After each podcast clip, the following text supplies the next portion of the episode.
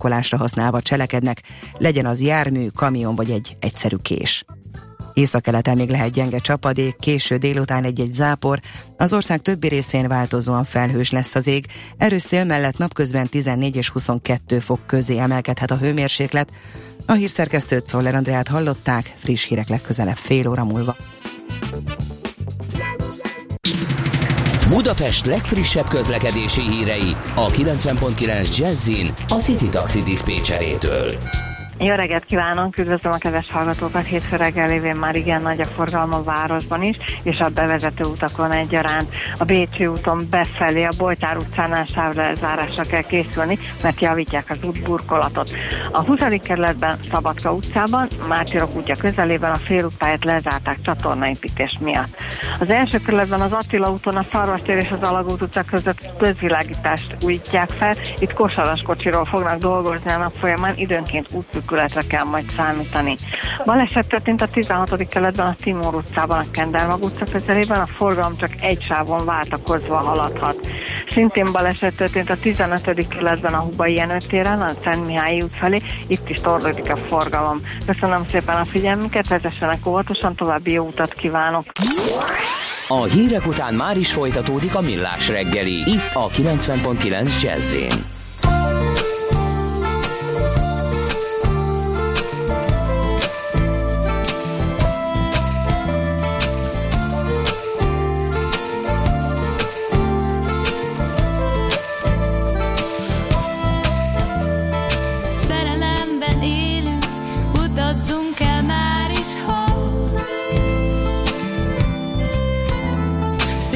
Üdülök a macska kövön, elkapsz ugye Párizsban. Reggel majd betérünk egy croissantos kávéra. Félemünk, mint kavicsot, behajítjuk a szajnába. Oh, oh, oh. Párizsban a nyár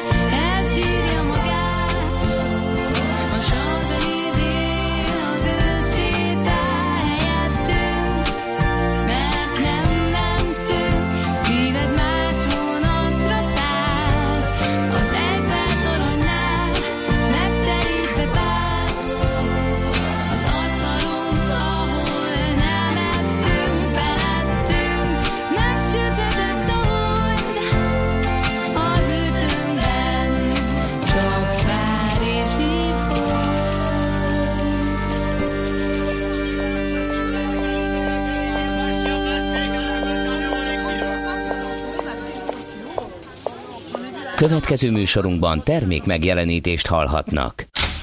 Kétféle ember létezik a világon, akinek van alibije, és akinek nincs. Az elsőnek ajánlott minket hallgatni, a másodiknak kötelező. Te melyik vagy? Millás reggeli, a 90.9 Jazzy Rádió gazdasági mapetsója. Ez nem animi, ez tény. A Millás reggeli főtámogatója a Mini CRM Zrt. Több bevétel ugyanannyi érdeklődőből. Jó reggelt kívánunk, 8 óra 11 perckor folytatjuk a Millás reggelt itt a 90.9 Jazzy Rádión Kántor Endrével. És Miálovics Andrással. Kérem szépen, akkor a 0 30 20 10 909-es SMS és WhatsApp száma rendelkezésetekre áll, hogy ezekre mik jöttek néhányan, néhányat elmondok. Az M3-as Tiszahídon Nyíregyháza felé a külső sávban életveszélyes lyuk, haló, majdnem meg volt 130-al, csak óvatosan, tehát M3-as Tiszahídon Nyíregyháza felé. Újpesten a Pozsonyi utat ajánlott kerülni, Angyalföld felé torlódik erősen már a Tél utcánál a sorvége. Az M1-esen a 23-as kilométertől áll a sor az M0-ásig Pest irányába, egy ráfutásos balesetet látott Zsolt, Bakcsomópont és a hegyalja lépésbe haladt Pest felé, illetve az M3-ason menekülő út egyel hamarabb a Kerekharaszti Molkút kihajtójánál ajánlott. Szuper, írja köszönjük. Gal. Óriási dugó az M1-esen Budapest irányába 40-es kilométertől, és sehol nem hallani a hírekben. Oka, hogy lezártak egy sávot az M0-ás levezetőjénél, de dolgozni senki nem dolgozik azon persze, vagy csak olyan gyorsak, hogy észre se veszem írja Gergő. Tehát még egyszer dugó az M1-esen Budapest irányába 40-es kilométertől. Most már bemondtuk, úgyhogy a hírekbe talán nem fog ez bekerülni. No, akkor jöjjön, ami ilyenkor jönni szokott. Taxere, Virgilendir meg, Steyer, Beskatta, Gravár, Belastingen. Kell tolmács. Éppen külföldre készülsz vállalkozásoddal? Szeretnéd tudni hol, hogyan és mennyit kell adózni? Adóvilág. Ismerd meg a világországainak adózási sajátosságait a Millás reggeli világjáró adórovatával. Mert semmi sem biztos, csak az adó. Valahol még az sem. A vonalban itt van velünk Gerendi Zoltán, a BDO Magyarország ügyvezetője, adótanácsadó partnere. Szervusz, jó reggelt kívánunk! Jó reggelt, sziasztok! És állandó szakértője ennek a rovatnak, adóvilág rovatunkban pedig Japánt nézzük most meg. Igen, hát Japán egy eléggé összetett ország, egy nagyon, nagyon nagy történelmű ország. Tudjuk, hogy hát gyakorlatilag már Krisztus előtt is jóval létezett a, a, a japán társadalom valamilyen formában, és hát ennek megfelelően egy, egy nagyon régi társadalom, amelyik ma jelen pillanatban 127 milliós népességű, Körülbelül 6800 szigeten vannak, ez azért elég érdekes, tehát azért a közlekedési feltételeket befolyása, különösen hozzátesszük, hogy a japán vonatok még persze pontosan is tudnak menni, szóval azért vannak komoly teljesítmények. A világ negyedik legnagyobb gazdaságáról beszélünk. Egyébként a visszatér még a 6800 szigetre, ez kb. 380 ezer négyzetkilométer, tehát Magyarország durván négyszereséről beszélünk. Tehát a népsűrűségük nem kicsi. A világ negyedik legnagyobb gazdasága, tehát az USA, Kína és Németország előzi meg, de összességében azt lehet mondani, hogy a kultúrája nagyon meghatározza a gazdaságát. Tehát minden van itt, amit látunk. A legnagyobb japán vállalatokat szinte álmunkba föltetve tudnánk sorolni, tehát a Toyota abszolút vezető, a Mitsubishi pénzügyi és egyéb nehézipari cégei szintén itt vannak, akkor a Honda Motor, gyakorlatilag a Nissan, Hitachi, de ami érdekes, a top 10-ben én nem találtam az kiestek már a klasszikus elektronikai szolgáltatók, a Sony, Panasonic, Canon, de ez egy, ez egy, ez egy állandóan változó kör. Na most adójogilag is ez, a, ez az egész feudál, ugye egy alkotmányos monarchiáról beszélünk, ami, amit a 19. században csak erőszakkal tudtak az amerikaiak úgymond felnyitni, sose volt gyarmati terület, tehát gyakorlatilag meg tudták az integritásukat végigőrizni, ennek megfelelően kellően komplex szerintem az egész közigazgatásuk és minden, ami ehhez az államháztartáshoz kapcsolódik, beleértve az adózást is. Tehát hát lefogadom, lefogadom, hogy itt nincsenek morális problémák a, a, az adók befizetésével kapcsolatban. Mély meghajlás és fizetnek. Ez hát igen, gondolom valami gondolom, hogy, hogy, de azért a meghajlások szerintem elég gyakori. Tehát igen. hozzá kell tenni csak, hogy ilyen, tehát a, a, minden hangszere játszanak. Tehát az azt jelenti, hogy vannak jövedelemadók, vannak fogyasztási, tehát indirekt adók, ilyen fogyasztási típusú adók, és vannak vagyoni adók. És azt lehet mondani, hogy a, a, a a, a, az adózás szempontú versenyképessége Japánnak én, ahogy próbáltam átnézni a dolgokat, hát igazából elég bonyolult.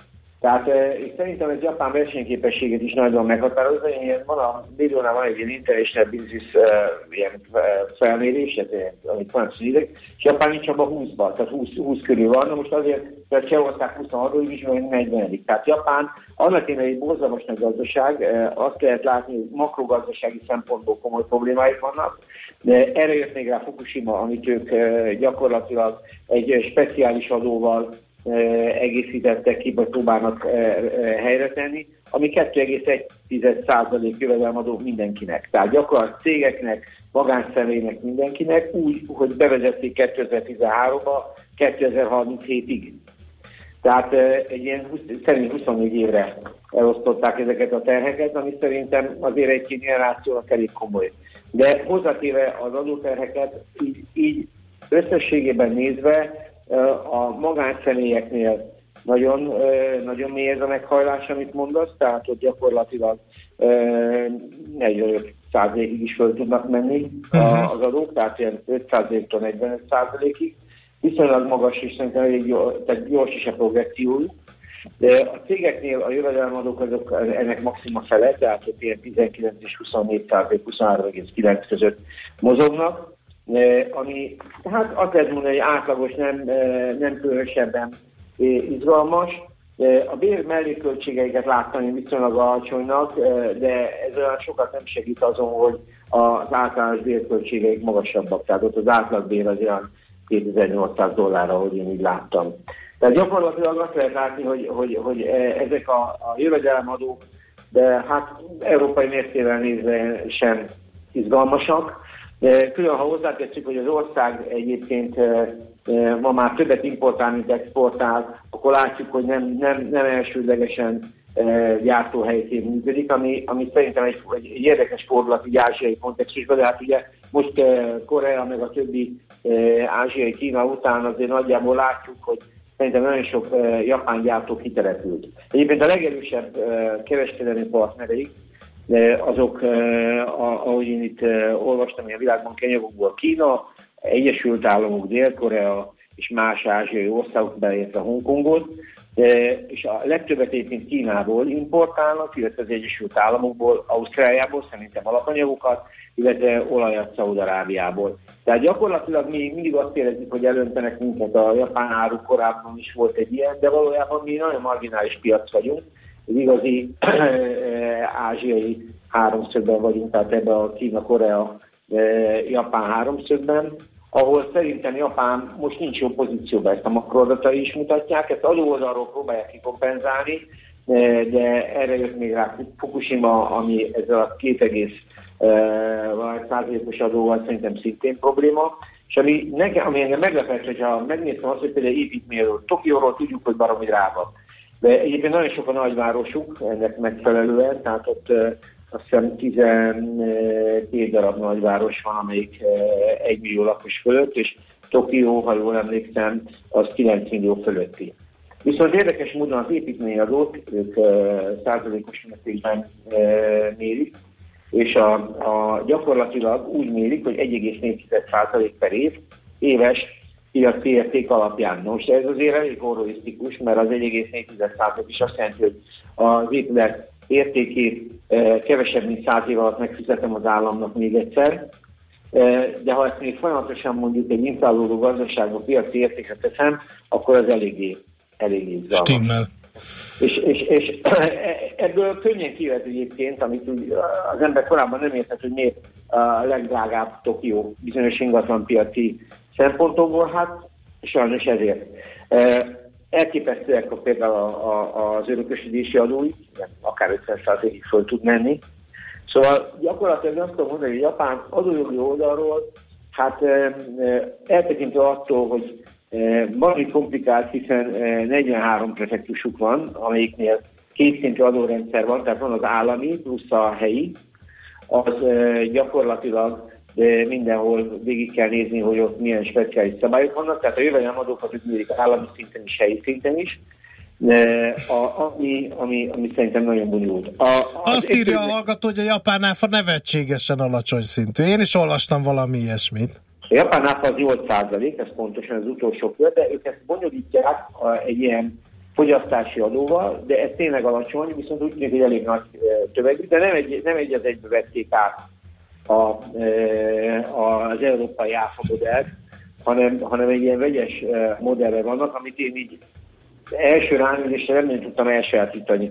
Tehát gyakorlatilag azt látom, hogy, hogy, hogy ők az áfában ilyen fogyasztási adókat is beszámítanak, és ez tényleg 8 amiből azt mondják, hogy 6,3 helyi állami fogyasztási adó, és 1,7 helyi fogyasztási adó. Most az ember így végig gondolja, hogy még, a, a, még az áfájuk is két szintű, akkor el tudja képzelni, hogy ez milyen, milyen, milyen bonyolult. Én úgy gondolom, hogy hogy ez egy, ez egy eléggé, eléggé összetett ország, nagyon stabil, úgy néz ki, nagyon stabil költségvetés, de deficitesek, tehát azt tudjuk, hogy Japánnak a költségvetési hiánya az azt hiszem, az eladósodottsága azt hiszem, hogy GDP 200%-a körüli, tehát van mit ledolgozniuk. Ez úgy néz ki szerintem, hogy adóoldalról elég nehéz, nehéz lesz, tehát ezt már nehezebb fölfele azt láttuk, hogy különböző kamat és gazdaság élénkítési kamatokra, úgy emlékszem, ők vitték le nem olyan régen, tehát egy éve, másfél éve a jegybanki alapkamatot elég drasztikusan,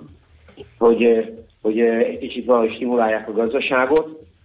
Nem tudom, szóval én úgy gondolom, hogy a versenyképesség vannak ennyire, hogy a legnagyobb gazdaságok között van, mégis csak a 20. és nagyon sok európai ország megelőzi, ez nem véletlen, de azért ne becsüljük alá, mert egy hihetetlen erős ország, baromi erős oktatásra, és pont ezzel a társadalmi hozzáállással, amit, amit mondtál, hogy gyakorlatilag itt azért úgy néz ki, hogy ez a feudális környezet annak ellenére, hogy modern világá lett átültetve, modern világra lett átültetve, azért mi, mi olyan gyökereket tartalmaz, amire lehet egy költségvetés stabilan építeni. Stimmel. Jó, hát megnézzük akkor, hogy eh, külpolitikai szempontból hogy áll Japán. Köszönjük szépen ezt a gazdasági adó összefoglalót. Szép napot, jó munkát! Nektek is köszönöm, sziasztok! Szervusz, Gerendi Zoltánnal beszélgettünk, a BDO Magyarország ügyvezetőjével, adótanácsadó partnerével.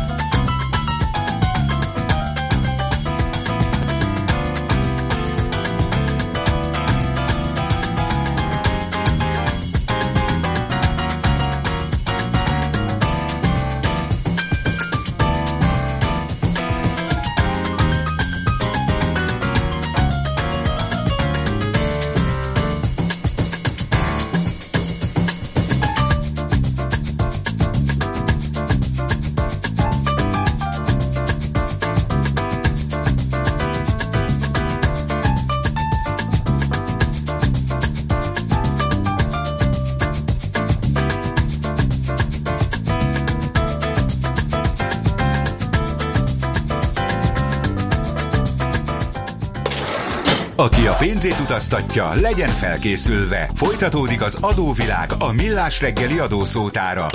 Érdekességek, adózási szokások, geopolitikai helyzetkép. A japán áruk ma is elárasztják Európát, csak a végszerelés Malajziában, Tájföldön, Kínában vagy Vietnámban történik, ezért statisztika csalóka, írja a hallgató. A vonal túlsó végén Feledi Botont, állandó külpolitikai szakértője az adóvilág rovatnak és a mi műsorunknak is. Szerbusz, jó reggelt kívánunk! Sziasztok, jó reggelt kívánok! Hát gazdaságilag óriás Japán, de politikailag törpe? Talán, vagy nem annyira? Politikailag sem annyira törpe, azért mégis az Egyesült Államok kitartó szövetségese. Most már sok évtizede, ugye nem volt sok választás a második világháború után. De hogy egy számot mondjak, tehát már hosszú idő óta az első tíz ország között van, akik a legtöbbet költik a védelemre, tehát nem mondanánk meg, hogy Japán ennyit költ a katonákra, de azért ez az önvédelmi egység, amit ők fenntartanak, tehát az önvédelmi erők, ez mégis rengeteg pénzt felemészt, és részt is vesznek különböző békefenntartó és egyéb missziókban. Tehát van, van itt bőven katonai potenciál, és hát ezt most látjuk pont Észak-Korea kapcsán, hogy komoly balisztikus rakétavédelmi rendszert is tudnak működtetni az amerikaiakkal, és hát tudnak készülni erre. Egészen addig, hogy most megtartották az első, uh-huh. hosszú idő után az első um, olyan uha, um, amikor az iskolásoknak be kell szaladni a bunkerben, meg hogy... Ja, ja, ja. Légiriadót, vagy, Fő, vagy az főpróbál, légvédelmi gyakorlat, igen, igen. Na most figyelj, egy, egy érdekes dolog jutott eszembe. Ugye Kína és Japán gyakorlatilag évszázadok óta riválisai egymásnak. Hát ugye korábban ugye a kínaiak próbálták meg elfoglalni Japánt, aztán jött a kamikáze, az isteni szél, és szétzavarta a flottájukat. Aztán meg utána a második világháborúban, hát ugye japánok elég sok e, csúnya dolgot műveltek e, Kína területén. E, Kína éppen expanzióban van. E, érdekes, hogy Japán hogy viszonyul ehhez a történethez. Igen, abszolút, és teljesen egyértelmű washingtoni szándék, és mondhatjuk azt, hogy nyugati szándék, hogy Japánt használjuk többek között arra, hogy ellensúlyozzuk a kínai expanziót. Hát Japánnak azért nem csak Kínával, mindenkivel van területi vitája, tehát az oroszokkal, a koreaiakkal, sőt ugye a sziget vita az egy nagyon sok nemzetiségű vita, csak Japán és Kína van a leginkább exponálva benne, de ugye Tajvan meg sokan érintettek. Tehát ilyen szempontból Japán azért nem egy egyszerű nemzet, és pont most a ABE miniszterelnöksége alatt lehet azt látni, hogy megint van a ugye nem kritikusok szerint patriotizmusnak, a kritikusok szerint a nacionalizmusnak valamiféle visszatérése. Tehát valami történik Japánban, valami megy, valami a néplélekben is zajlik. És ez látszik abban is, hogy azért ugye ők is építik a, a katonáikat, határozottabban védekeznek, és amiről csak egyébként eddig évente mondjuk egyszer hallottunk, az most megint egy kicsit gyakorodik, hogy a japán történelmi múlt és a külföldiek ehhez való viszonyát milyen érzékenyen veszik Tokióban. Ugye ezek tipikusan a e, szexrabszolgák a második világháború alatt. Igen. Tehát Amerika e, nyugati partján is, partján is hajlandó a japán nagykövetség perbe menni azért, ha felállítanak egy szobrot e, egy köztéren egy ilyen szexrabszolgának. Tehát egészen elképesztő mélységig lemennek, hogy ezzel mhm. küzdjenek. Uh-huh.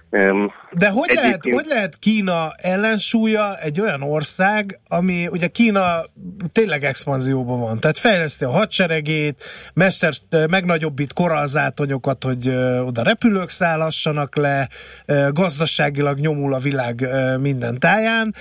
Japánban meg ugye mondtad, hogy rengeteget költenek az önvédelmi előkre, tehát Kína talán katonailag is expanzívabb Japánt, hogy lehet ellene használni, hogyha a Szigetországon ott szép szépen csöndben el vannak, mert ezért a japán militarizmustól talán még az Egyesült Államok is tart egy kicsit. Igen, sőt, egyébként mindjárt válaszolok arra a kérdésre, hiszen ugye nálunk is bekuttatott George Friedmannak, a, a Stanford alapítónak a első könyve az a háború Japánnal címet viselte. 1990 uh-huh. környékén, tehát volt abszolút egy időszak a 80-as évek végén, amikor Washingtonban azt gondolták, hogy Japánnal fognak háborúzni.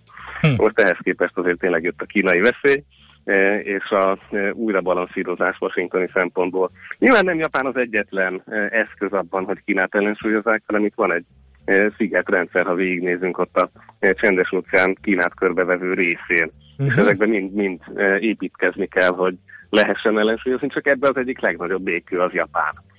És azért lehet, hogy ezt most önvédelmi erőnek hívjuk, de ha Washington valaha az áldását adná arra, hogy lehessen mostantól kezdve egy fokkal határozottabb katonasága Tokiónak, és ebben lenne egy kvázi nemzetközi konszenzus a nyugatiak között, akkor azért megint egy egész komoly erő szabadulna föl.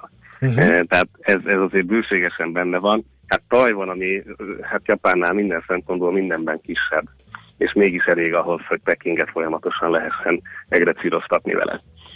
Tehát azért még mindig csak ugye a másfél-két repülgép hordozónát ad Peking. Tehát sok mindenben lehet versenyeztetni ezeket a, az országokat, és hát a japánok azért az amerikai győzelemnek köszönhetően jóval inkább hozzászoktak ahhoz a nyugati stílushoz vagy mentalitáshoz, tehát nyilván a kapcsolatok is több rétűbbek és mélyebbek tudnak lenni jelenleg. De azért vannak problémák is. Tehát azt, hogy Japán több mint 26%-a 65 év feletti, az, az, az nem túl bízható, és Igen. nem is olyan régen a, a felnőtt pelenkák eladásának a növekedése meghaladta a gyerek pelenkákét. Na ezt a mondatot, ezt, ezt szerintem sokan nem értették, tehát... De, de szép a te mesterséget, Botont, hogy ilyen adatokkal szembesülsz, és ilyen adatokból is érdekes következtetéseket lehet levonni. Szóval azért ez, ez tényleg döbbenet, és egyébként egy régi, én valamikor nagyon régen akartam japánul tanulni, mindig szerettem japán szavakat, és a Ubasute kezd visszajönni, vagyis ez a hát angolra úgy fordítják, és ez nagyon szép, ez a granny dumping, vagyis a nagymama kidobása, vagy a nagyszülő kidobása. Aha. Hát ugye olyan elképesztően drága az élet hogy megjelenik az a jelenség, hogy a fiatalok tényleg beteszik őket valahova, ahol aztán nem kell, és nem is az ő pénzükön fognak velük foglalkozni. Mm. És ez is egy új jelenségé válik a társadalomban, hogy kvázi a nagyszülői generációk hajléktalansága, vagy pedig elhagyása. És pont emiatt van, hogy a börtön populáció egyötöde is nyugdíjas korú mert hogy sokaknak kényelmesebb a börtön. Ők már nem is akarnak kijönni. És nem is akarnak kijönni, mert ott 24 órás ellátás van, és a börtönörök legnagyobb problémája, hogy pelenkázni kell. Ez e, tehát, hogy... hogy Mindig is tudtam, hogy valami nincs rendben Japánban, de ez a, ez a pelenka, ez most bekattant nálam, tehát ez a fel, e, nem tudok másra gondolni, sajnos.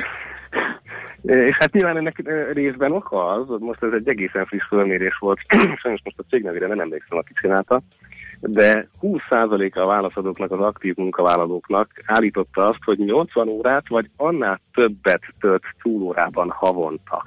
Most ezt napokra visszaszámoljuk, hogy az azt jelenti, hogy ez 20 osztva azért 4. Tehát napi 4 óra túlóra, az a minimum. Azért ezzel viszont könnyen ki lehet égetni egymást. Na jó, most már értem a pelenkát. Tehát, nincs nincs idejük barátkozni. Szóval erről hosszú-hosszú irodalmak vannak, hogy a a szexualitás és a munkaviszony az, hogy tud tönkre menni, hogyha egyszerűen nem hagyunk erre időt. Jó hír! Na, hogy a kis jó hírt, száma, igen, a igen. A hosszú idő után 40 ezer alá csökkent. Atya, úristen! Mert régen minden más volt Japánban is. De figyelj, gyakorlatilag a társadalom saját magát fogja felszámolni, nem kell itt semmilyen külső behatás, szerintem Kína és az Egyesült, Egyesült Államok erőlködhet, Kína meg kiváró állásponton bőven el van. Hát ugye Kína demográfiájáról is lehetne beszélgetni, de igen, japánok most már fel is állították a saját doomsday clockokat, végzett órájukat. Valamikor 3000 valamiben jár ez le, és akkor hal ki az utolsó japán, hogyha a jelenlegi tendenciák Az optimista forgatókönyv. igen, hogyha hagynák őket kihalni. Úgyhogy, úgyhogy hát ilyen szempontból azért bőven van elég kihívás. Ilyen apróságok vannak, hogy egyébként pont most a, a miniszterelnök is egy nacionalista botrányba keveredett bele, és még az is lehet, hogy ez tovább, tovább megy, akkor megbukik, mert felesége is benne van.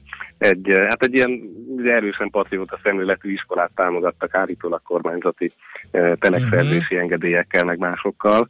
Um, és hát nyilván előbb-utóbb majd jön a koreai kínai reakció is, hogyha hát a miniszterelnök ezt támogatja, akkor jaj, jaj. Igen, Érdekes, érdekes egy ország ez továbbra is. De hát szerintem egy dolgot még mindannyian meg akarunk itt említeni. No. A japán viszkit. Ja, köszönöm Igen, szépen. én egyszer volt hozzá nagyon szerencsém, és azt kell mondanom, hogy, hogy nagy élmény volt, és, és abszolút, abszolút versenyképes. Hát, a nagy klasszikusok. Odaadással Igen. készítik, kérem szépen, úgyhogy... Igen, tehát hogy a nemzetközi versenyeken elképesztő eredményeket e, tudnak most már hozni, és a whisky médiában megjelentek, és e, tehát hogyha, hogyha van, van esély japán whiskyt kóstolni, akkor ez egy újabb bizonyíték ahhoz, hogy az autók és annyi minden után, technikai felszülés után még egy olyan iparág, ahol esetleg lehet, hogy nem is csak felzárkóztak mellénk. Egy mentő a japánoknak. Végsz, végszóra tökéletes volt ez a kis példa. Köszönjük szépen, szórakoztató és informatív volt, mint mindig. Jó munkát, Boton! Nektek is hallgatóknak is, szervusz! Szervusz! Feledi Botont külpolitikai szakértőnkkel, a rovat állandó Bizony. szakértőjével beszélgettünk egy Itt gazdasági, Egyébként gazdaságilag nem utolsó tényező a, a japán szeszes ital ipar, hiszen a Santori például a Jim Beam-et is felvásárolta. Na kérlek szépen, többen írják, hogy az isteni szél a mongol erőket szórta szét, nem a kínaiakat. Akkor azt kell mondanom, hogy ez 1281-ben volt, és 1259-ben Kubilai mongolkán kínai császárrá koronáztatta magát. Akkor most kínai vagy mongol volt? Na tessék, köszönjük szépen a kérdést. És kínai volt császárként vezetett hadjáratot japánok Rohanunk ellen, tovább. amelyet az isteni szél szétvert. Ma sem maradtunk semmivel adósak. A Millás reggeli világjáró adórovata hangzott el. Jövő héten ismét adóvilág, mert semmi sem biztos, csak az adó. Valahol még az sem. Műsorunkban termék megjelenítést hallhattak. A műszer neked egy fal, a sebesség egy váltó, a garázs egy szentély. Zavar, ha valaki elbetűvel mondja a rükvercet? Mindent akarsz tudni az autók világából? Akkor neked való a millás reggeli autós robata. Futómű. Minden csütörtökön 8 óra után autóipari hírek, eladások, új modellek, autós élet, Kressz. A futóműrovat támogatója a Cofidis Magyarországi Fióktelepe. Cofidis Autoleasing, a gépjármű finanszírozás szakértője. Reklám Foglaljon időben, és fedezze fel az Emirates Business osztályt, most kevesebbért. Dőljön hátra ingyenes sofőrszolgálatunkkal. Pihenje ki magát kényelmes, lefektethető üléseinkben, és élvezze az ínyenc falatokat. Minél korábban foglal, annál nagyobb kedvezményben részesül. Repüljön például Dubajba 610 ezer forintért. További információkért látogasson el az emirates.hu oldalra. Fly Emirates. Hello tomorrow. Sikeres vállalkozóként minden helyzetben a professzionális megoldást keresem. Ilyen a Mercedes-Benz Vito Pro Bázis. Biztonságos, kényelmes és megbízhatóan teljesít. Ráadásul már nettó 4 millió 989 ezer forinttól elérhető. Részletek a mercedes-benz.hu per Vito Pro Base weboldalon és a márka kereskedésekben. Intersport híreket mondunk. Gyertek ide! Újranyitási akciók a Budaörs Intersport áruházban. Péntektől vasárnapig egész hétvégén. Intersport akciók Budaörsön. Gyertek ide! Gyertek! A finom magyar gyümölcs titka a kiváló klíma, illetve a sok-sok napsütés és csapadék. Vannak azonban különleges hozzávalók is, mint például Rudi bácsié. Én beszélgetek a gyümölcsfáimmal és azok termésével is, és mi együtt élünk. Tudj meg többet a gondos gazdákról. Keresd őket a siós dobozokon és a Facebookon. Sió, mindenünk a gyümölcs. Reklámot hallottak. Rövid hírek a 90.9 Jazzin Toller Andreától. A rabok keresetét is megkaphatja a sértett, írja a Magyar Nemzet. Több évtizedes igényük teljesülhet a bűncselekmények károsultjainak, ha az új büntetőeljárásról szóló törvényel egy időben hatályba lép a bírósági végrehajtásról szóló törvény módosítása.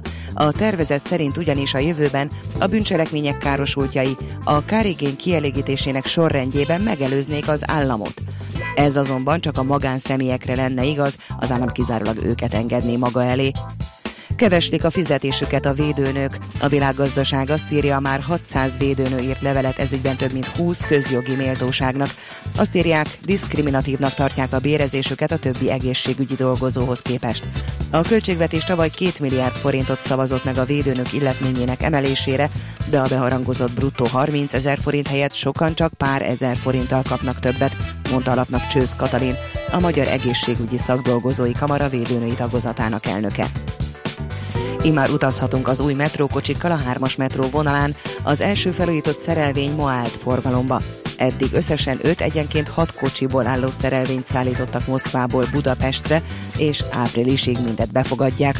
A nyertes orosz cégnek két év alatt 69 milliárd forint értékben 37 szerelvényt kell felújítania, ezekre 30 év garanciát vállaltak.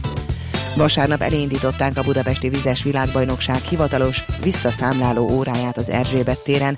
Az indulást a hetes szám bűvöletében úgy időzítették, hogy az óra pontosan 117 nap, 11 óra 7 perccel és 17 másodperccel a 17. Fina világbajnokság július 14-i megnyitó ünnepségének rajtja előtt kezdte el mutatni az addig hátra levő időt.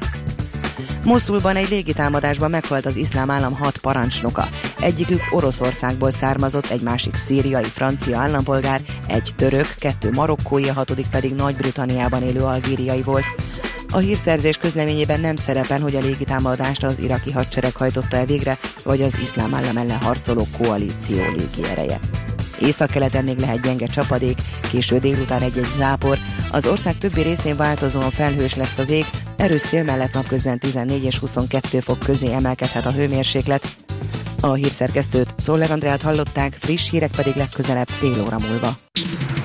Budapest legfrissebb közlekedési hírei, itt a 90.9 jazz Budapesten baleset nehezíti a közlekedést a Gyóni Géza térnél a Margit körút felé, az Andor utcában befelé a Tétényi útnál. Lassan lehet haladni az Egér úton a Kőérberki úttól befelé, az Erzsébet hídon Pestre, a Váci úton a Megyeri út közelében. Az Attila úton a Szarvastér és az Alagút utca között szakaszonként korlátozásra készüljenek, mert felújítják a közvilágítási hálózatot. A Béke utcában a vasúti híd alatt lezárták a külső sávot a befelé vezető oldalon felújítás miatt.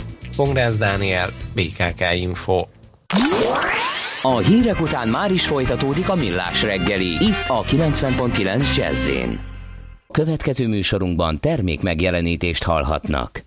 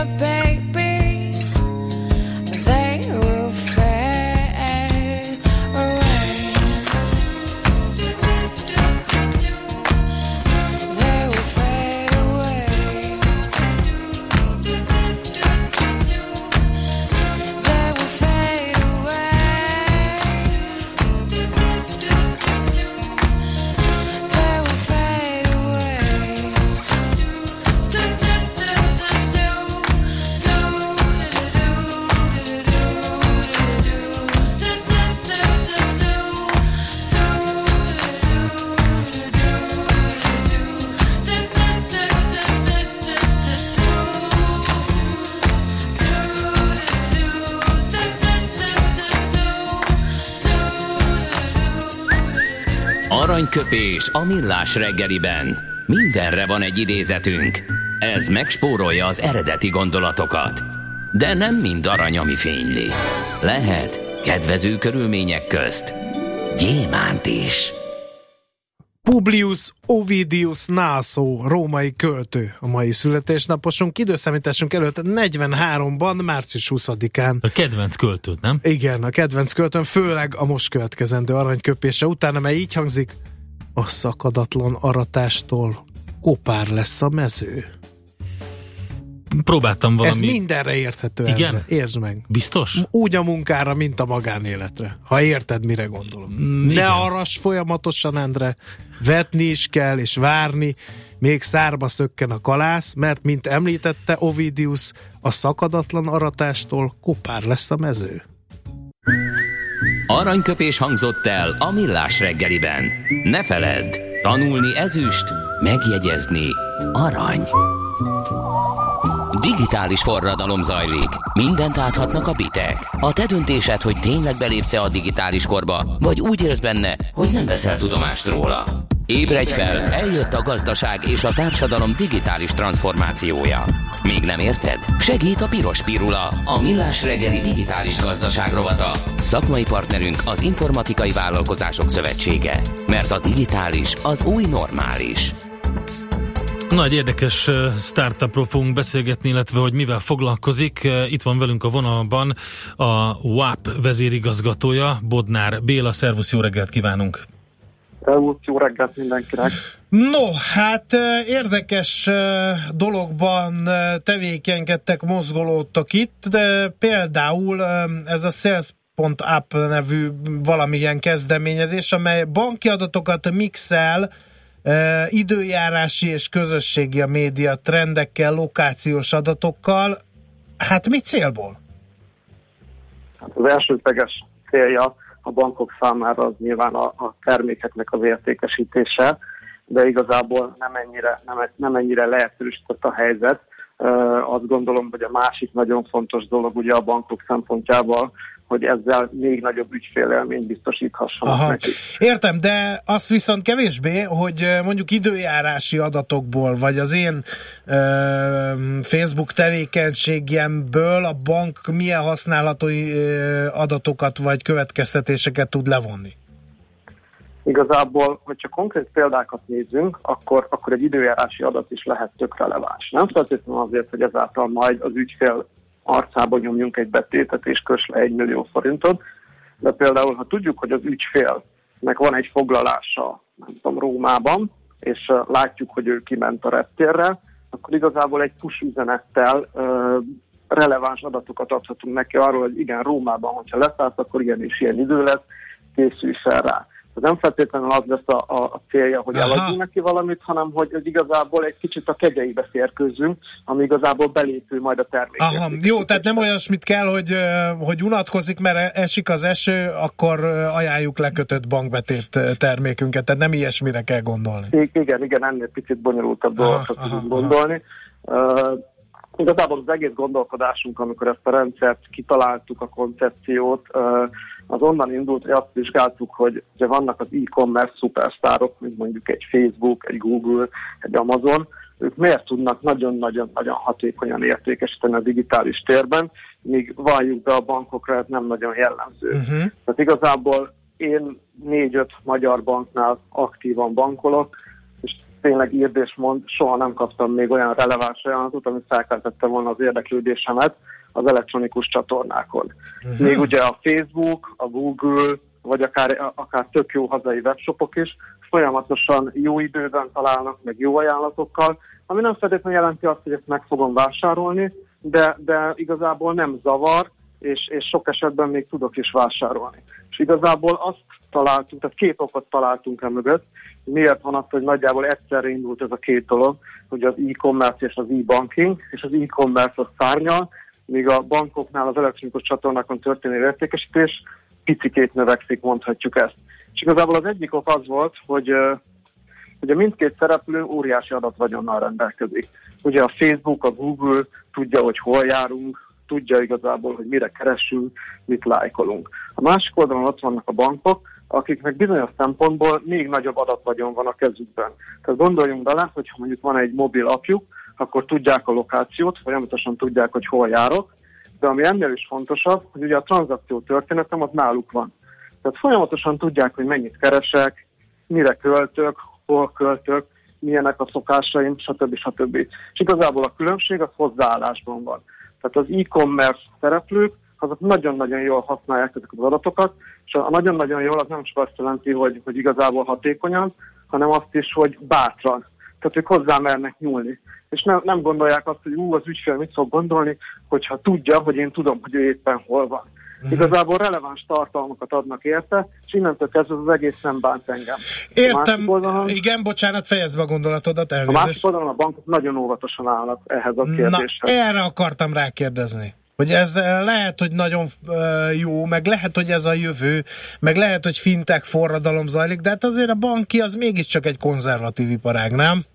Igen, ezt, ezt mi is tapasztaljuk, és egyébként furcsa, hogy, hogy inkább szélsőségekkel találkozunk. Tehát vannak olyan bankok, akik, akik nagyon lelkesek ez iránt, hogy ők is majd, majd ilyen hozzáállással tudnak értékesíteni, meg ügyfeleket megszólítani. Még ugye vannak a, a, a konzervatívabb képviselők, akik, akik viszont azt mondják, hogy úristen, egyből Big Brother-t kiáltunk, és mit fog szólni az ügyfél, azonnal itt fogja hagyni a bankunkat, hogyha megtudja, hogy mi folyamatosan nézzük, hogy ő hol van.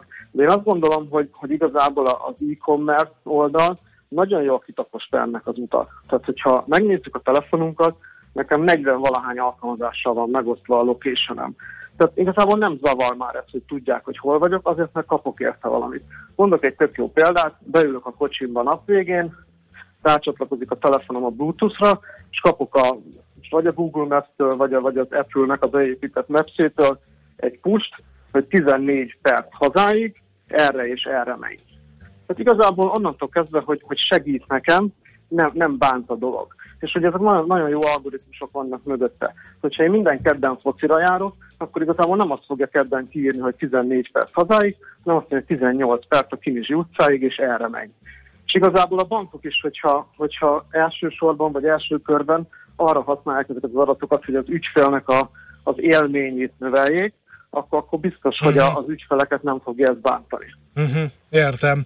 E, mennyire nyitottak erre a pénzintézetek, akkor egy kicsit cizelláltabban tenném fel a kérdést, meg pedig úgy, hogy akkor e, van-e érdeklődés, mutatnak-e érdeklődést, hiszen azért azt gondolom, hogy egy banki vezető számára is egyértelmű, hogy mit művel a Facebook meg a Google ezen, és ha ők e, nekik megéri ezzel foglalkozni, talán egy lényegesen kisebb méretű magyar banknak sem lehet egy utolsó megoldás. Én azt gondolom, hogy a egy körülbelül másfél hónapja Londonban bemutattuk egy pénzügyi konferencián ezt a rendszert, és nagyon-nagyon sok érdeklődő volt. 30-40 bank jött utána oda hozzánk, és kontaktot cseréltünk, és azóta is a tajlanak ugye a prezentációk.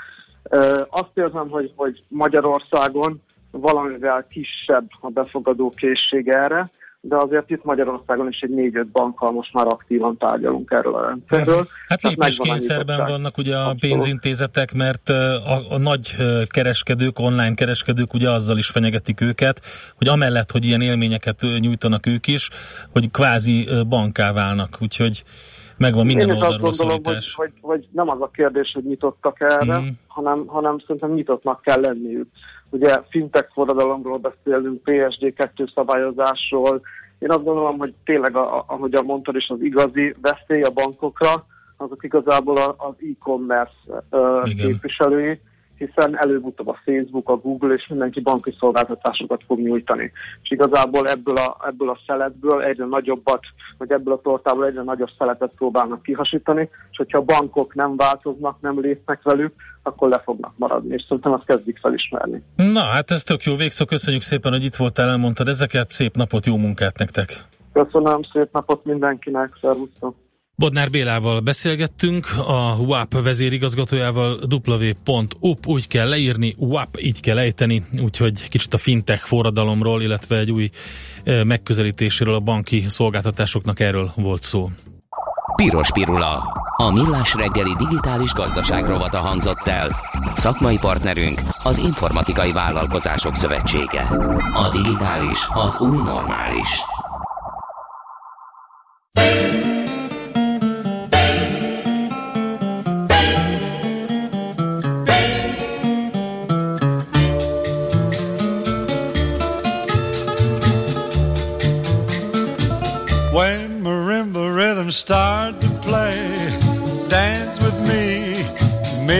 Sway like the lazy ocean hugs the shore. Hold me close, sway me more like a flower bending in the breeze. Bend with me, sway with ease. When we dance, you have a way with me. Stay with me, sway with me. Other dancers may be on the floor, dear, but my eyes will see only you. Only you have the magic technique. When we sway, I grow weak. I can hear the sound of violins long before it begins. Make me thrill as only you know how. Sway me smooth, sway me now.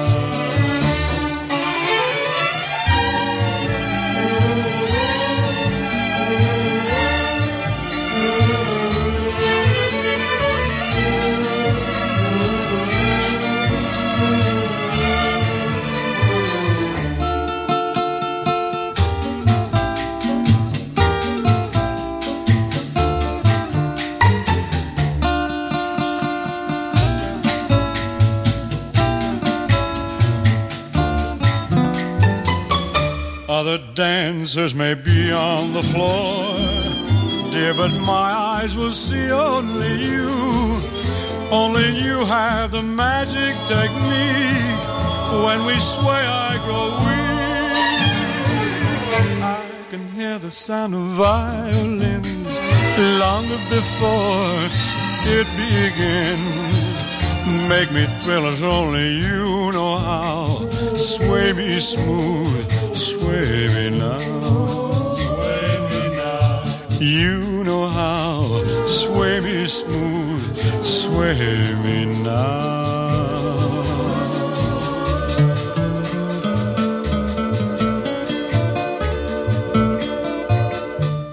Indul a nemzetközi részvénymustra. A megmérettetésen jelen vannak többek között az óriási közműcégek, nagyotugró biotech vállalatok, fürge IT társaságok, na és persze a válság sújtotta lemaradók.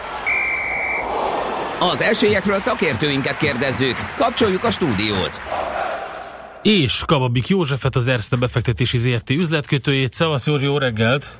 Ja, szép jó reggelt mindenkinek! Nagy szép kis csokor akkor azokról a piacokról, ahol tudunk kereskedni. Például az a, az a közös bennük, hogy mindenhol valamilyen kibocsátás, jegyzés, tőkeemelés. Kezdem gyorsan a Deutsche Bank, ami leges-leges legfrissebb, ugye ott, ott is egy tőkeemelés lesz, csak nem tudtuk a részleteket.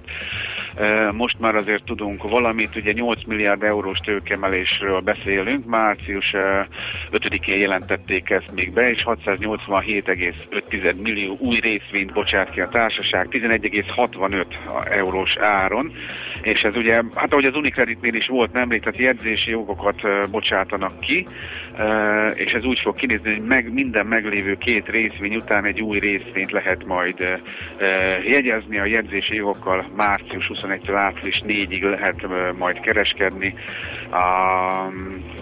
Úgyhogy nagyjából így néz ki a, a kibocsátás. E, valószínűleg egy ilyen, ilyen, ilyen 15,7 körüli részvényárfolyam fog így kijönni nagyjából, de ez, erről majd még később beszélünk, mert nagyon-nagyon friss, csak nagyjából látom így. Akkor nézzük, EON is bocsátott ki új részvény, még pedig 200 millió euró értékben. A, ugye ezt intézményi befektetnek, ez még pénteken történt, a teljes részvényállomány 10%-át bocsátottak ki, 6,71 és 6,72 e, körüli tehát ilyen ársáv volt, annak a tetején mentek el a részvények, ezért ez jót is tette az árfolyamnak, e, úgyhogy még emelkedni is tudott az EON. Um, ugye két milliárd eurós többletköltsége van a német állammal szembeni ugye, kötelezettségekből, Igen. amelyekről ugye régóta tudunk, úgyhogy ez van nála. A Tesla is úgy döntött, hogy azért csak tőkét von be, ugye jön az, az új autó, ugye a Model 3, ugye év végén kezdik el gyártani, és hát korábban bár azt mondta, hogy Musk nem nagyon kell erre pénz, mert van, most mégis mm, azért... Igen, jobb azért, hogyha biztosan jó, megyünk. Jó, Valaki jó, dobja, jó, dobják be a részvényesek, meg akik tudja higítani a portfólióját egy picit. Így van, így van. 1,15 milliárd dollár új forrást vannak akkor be.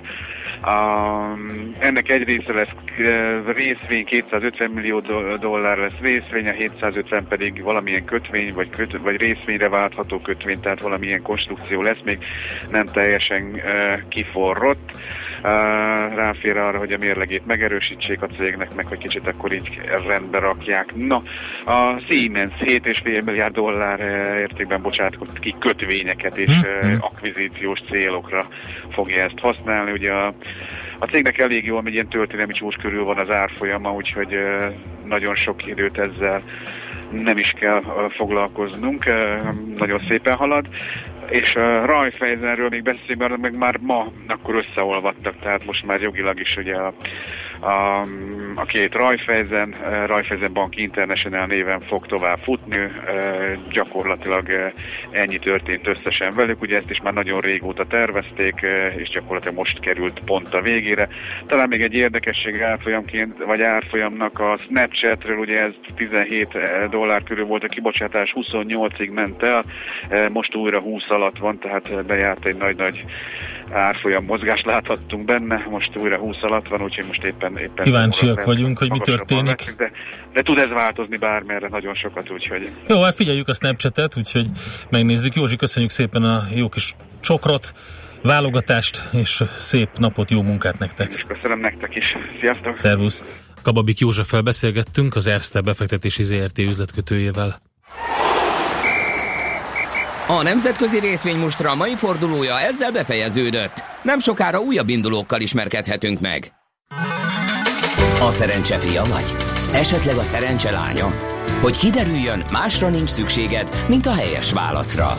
Játék következik. Na és kérem szépen a nyeremény egy páros belépőjegy a Budapest Sportarénában március 24 és 26 között megrendezésre kerülő Garden Expo-ra. Kérdésünk a következő. Honnan származik eredetileg a muskátli? Egy Dél-Afrikából, kettő Dél-Amerikából, vagy három Európából.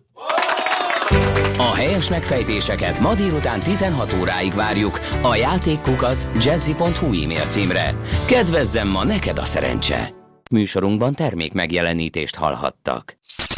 Reklám. Kárglász javít, Kárglász cserél. Daniel, 25 éves Kárglász szervizasszisztens. Csak egy kis külfelverődés elhanyagolhatónak tűnik, pedig olyan, mint egy időzített bomba, bármikor tovább repedhet. Előbbi ügyfelünk kapott egy kavicsot a szélvédőre. Hónapokig ő sem törődött vele. Aztán nemrég épp vezetés közben, pak! A kőfelverődés nem bírta a strapát, a szélvédő végigrepett, és cserélni kellett. Nagy bacera volt az ügyfélnek, de aztán örült, hogy a Carglasshoz jött, mert simán megoldottuk neki. Ha előbb szól, egyszerűbb és gyorsabb is lehetett volna. Ha a kavicsnyom nem nagyobb, mint egy 100 forintos, akkor mi itt a Carglassnál nagy eséllyel meg tudjuk menteni a szélvédőt. Speciális műgyantával feltöltjük a sérülést, és az üveg nem repett tovább. Ha kaszkós az autó, akkor a teljes kárügyintézést elvégezzük. Nálunk a Carglassnál legtöbbször nincsen rész, a biztosítók jó voltából a javításunk legtöbbször ingyenes. Igen, Ingyenes. Hívja most a Kárglászt 0640 696969 vagy www.carglass.hu Kárglász javít, Kárglász cserél.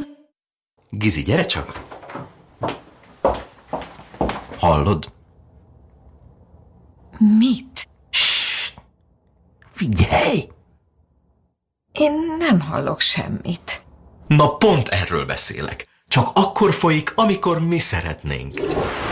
A mellékhelyiség, ahol minden tökéletesen működik. Megbízható, svájci minőségű, precíz megoldások. Tények. És érzések. Geberit. Nyomós érv. Intersport híreket mondunk. Gyertek ide! Gyertek ide! Bemutatjuk a megújult Budaörsi Intersport áruházat. Ünnepeljük együtt az ország legszebb Intersport áruházát március 24